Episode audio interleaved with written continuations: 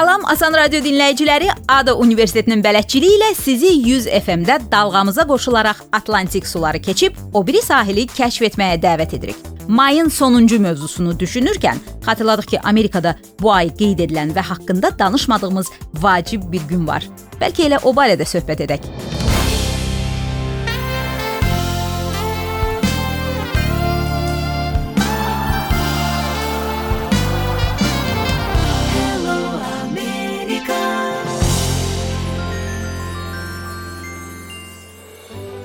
Səhər duran kimi həyatınızdakı qadınlara gül çiçək alırsınız, hədiyyə axtarırsınız, axşama bayram naharı fikirləşirsiniz.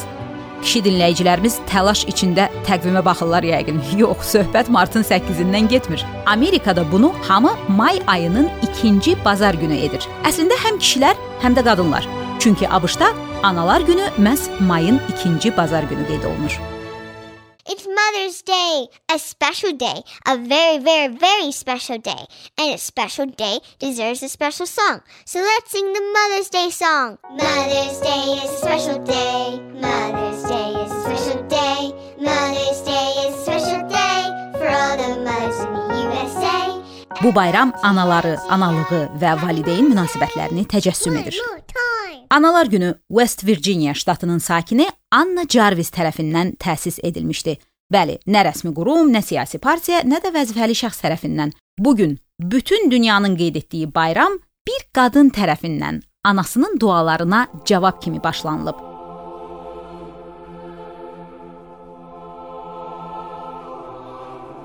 Eyni adı daşıyan anası Anna Jarvis 11 uşaq dünyaya gətirmişdi. Onun 7-si gənc yaşında tələf olmuşdu. Möhkəm inanclı Anna kilsə icmasının fəal üzvü idi. Bir gün qızı onun kilsədə etdiyi duanı eşidir. Tanrım, ümid və dua edirəm ki, bir gün kimsə anaların bəşəriyyətə misilsiz xidmətlərini qeyd edən gün təsis edəcək. Onlar buna layiqdir. Annanın başladığı kampaniyaya cavab olaraq West Virginia ştatı 1910-cu ildə ştatda Analar Günü elan edir. 3 il keçmədən ənənə bütün ölkəyə yayılır və ABŞ Konqresi mayın 2-ci bazar gününü Amerikada Analar Günü kimi təyin edir və bütün dövlət işçilərinin həmin gün yaxalarına ağ qərənfil taxmalı olduqlarını qərarlaşdırır. Hər bir imkanın biznes baxımından qiymətləndirildiyi Amerikada bu bayram da iş adamları üçün imkana çevrilir. İldən ilə Analar Günü daha da kommersiyalaşır. Bu gün Analar Gününü adicə yaxada ağ qərənfillə yola verən yoxdur. Onun illik iqtisadi dövriyyəsi 24 milyard dollar təşkil edir. Orta hesabla hər bir Amerikalı bu gün güllər və hədiyyələrə 180 dollar xərcləyir. Anna Jarvis bu meyli bayramın qeyd olunduğu ilk illərdən artıq sezmişdi və çalışırdı ki, bayramın kommersiyalaşdırılmasının qarşısını alsın.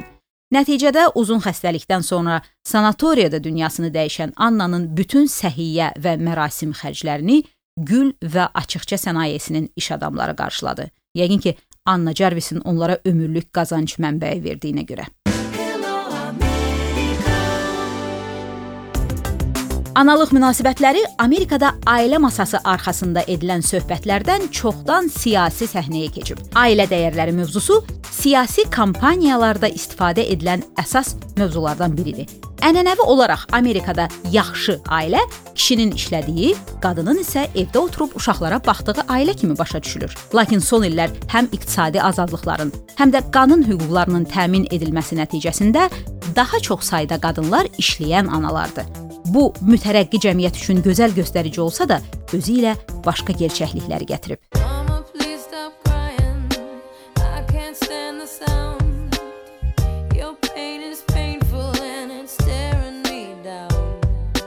Birincisi, tək valideynli, xüsusilə də tək analı ailələrin sayı artıb. İqtisadi cəhətdən müstəqil olan qadınlar uğursuz nikahlarda qalmaq istəmirlər. Uşaqlarını mübahisə və davalardan uzaq böyütmək istəyirlər. Birləşmiş Ştatlarda 4 anadan biri, yəni 25 faizi uşaqlarını tək böyüdür. Bu statistika Afro-Amerikan icmalarda daha yüksəkdir. 60% analar tək analardır. Asiya mənşəli icmalarda isə bu rəqəm aşağı 9%dir. Nəzərə alaraq ki, ölkədə uşaq qayğısı xərcləri dayanmadan artır, ana olub olmamaq qərarı Amerikalılar üçün getdikcə çətinliklə verilən qərara çevrilir. Cəld hesablamalar aparaq. Amerikada orta gəlirli təbəqəyə aid adam ayda 4000 dollar pul qazanır. Onun ən azı 1500-ü mənzil kirayəsi və kommunal xərclərə gedir. 500 dolları aylıq ərzağa sərf olunur. Daha 800-ü ilə sürdüyü avtomobil və pullu ali təhsilinin kredit borclarını ödəyir. Uşaq bağçası və uşaq qayğıları aşağısı 1000 dollar təşkil edir. Qalanı isə necə deyirlər, xırda-mırda işlərə. Beləliklə orta təbəqəli Amerikalının əmanət hesabı gün belə görmür.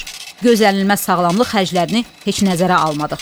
Bir sözlə, hesablamalara görə Amerikada bir uşağı həddi büluğa çatdırmaq üçün 190 min dollar tələb olunur.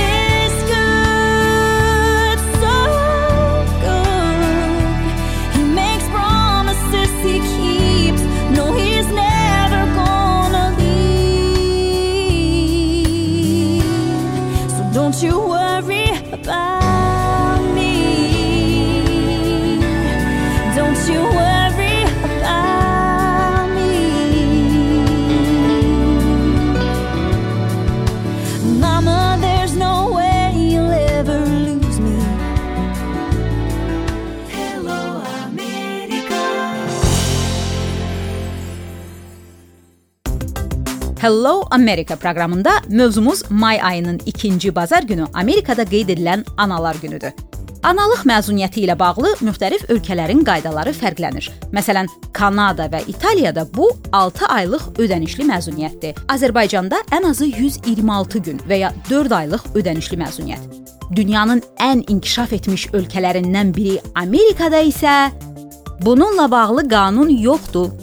50 ştatın 50-sində də bu qaydalar fərqlənir. Əksəriyyətində analıq məzuniyyəti ümumiyyətlə yoxdur. Nə ödənişli, nə də ödənişsiz. 1993-cü ilin Ailə və Tibbi Məzuniyyət aktı qurumlara qadınlara 12 həftəlik ödənişsiz məzuniyyət verməyi tövsiyə edir. Amma bunun üçün ananın işlədiyi qurumda ən azı 50 nəfər işçi olmalıdır. Lakin bu qanunverici akta əməl etmə məcburi deyil.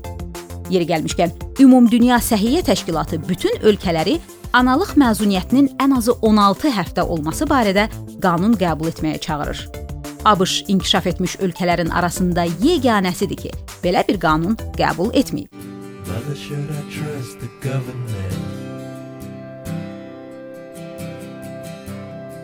Sual oluna bilər ki, axı niyə? Niyə hamının azadlıqları təmin olunan demokratik bir ölkədə analığın dəyəri bu qədər aşağıdır? Cavabı çox sadədir. İqtisadiyyatında iş yerlərinin 3də 2-si fərdi bizneslər tərəfindən təmin edilən Amerikada biznes lobbisi çox güclüdür. Belə bir qanunun qəbul olunacağı təqdirdə analıq məzuniyyətinə görə ödəməli olacaqları pullar biznesləri narahat edir. Vaşinqtondakı lobbiçilərin arqumentləri budur ki, 4 ay işçini ödənişli məzuniyyətə buraxmaq biznesə zərərlidir. Bundan başqa analıq bir seçimdir. Kiminsə uşaq dünyaya gətirmək qərarının bədəlini niyə şirkətlər ödəməlidir ki? Analıq məzuniyyətinə çıxan qadınların müavinatları doğrudan da uşağa baxmağa sərf edəcəklərini şübhə altına alanlar da var. Bəlkə pulları ayrı məqsədlər üçün istifadə edəcək. Uşağı evdə qoyub səyahətə gedəcək. Oh my God. Dünyanın bu tərəfində bu arqumentlər qəribə səslənsə də, o tərəfdə qanun qəbul etməmək üçün tutarlı səbəbdir. Hello America proqramında hər həftə Amerikan ingiliscəsində yeni ifadələr öyrənirik. Rubrikamızın məsləhətçiləri İngiliscə ali təhsil verən ADA Universitetinin akademik məqsədlər üçün ingilis dili proqramının müəllimləridir. Bu gün Amerikada mayın 2-ci bazar günü qeyd edilən Analar günündən danışdıq. Amerikada analıq məzuniyyəti qanunla təmin olunmur. Məsələnin oponentləri hesab edirlər ki, hamilə qadınlara işdə xüsusi şərtlərin yaradılması onlara qarşı ayrı seçkilikdir və konstitusiya hüquqlarını pozur. Hmm, məndən soruşsanız, analıq məzuniyyətinin zəruri olmasını anlamaq çox da mürəkkəb deyil. Nəyinsə çox mürəkkəb olmadığını, asan öyrənildiyini demək istəyirsinizsə, bunu belə ifadə edəcəksiniz. It's not rocket science. Hərfi mənada tərcüməsi bu raket elmi deyil. It's not rocket science. İfadənin mənbəyi soyuq müharibədən qaynaqlanır. Fəza elmləri yarışmasında Sovet İttifaqının qüdrətindən ehtiyatlanan Amerikalılar raket istehsalını olduqca mürəkkəb və intellektual baxımdan əlçatmaz hesab edirdilər. Bu xofu 1980-ci illərdə Amerika mətbuatı It's not rocket science. Bu raket elmi deyil ifadəsini istifadəyə atmaqla aradan qaldırdı. Bax belə, sizi hər cümə saat 18:45-də Asan Radioda gözləyirik. Bizi dinləyin. It's not rocket science. Bunu etmək asandır.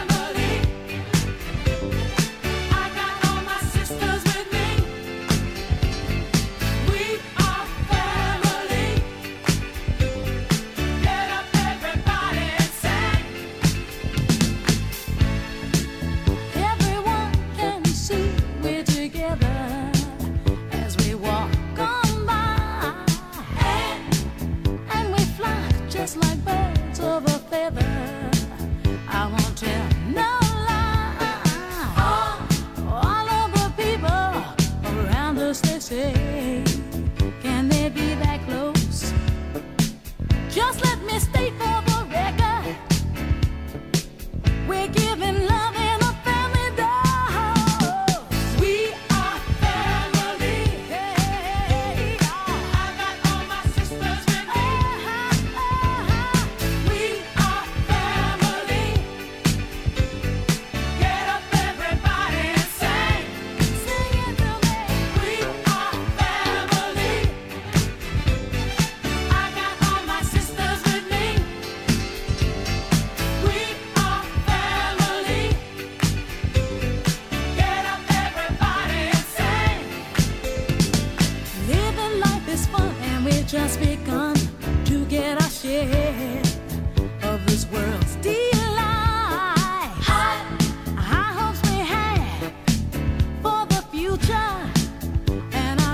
side.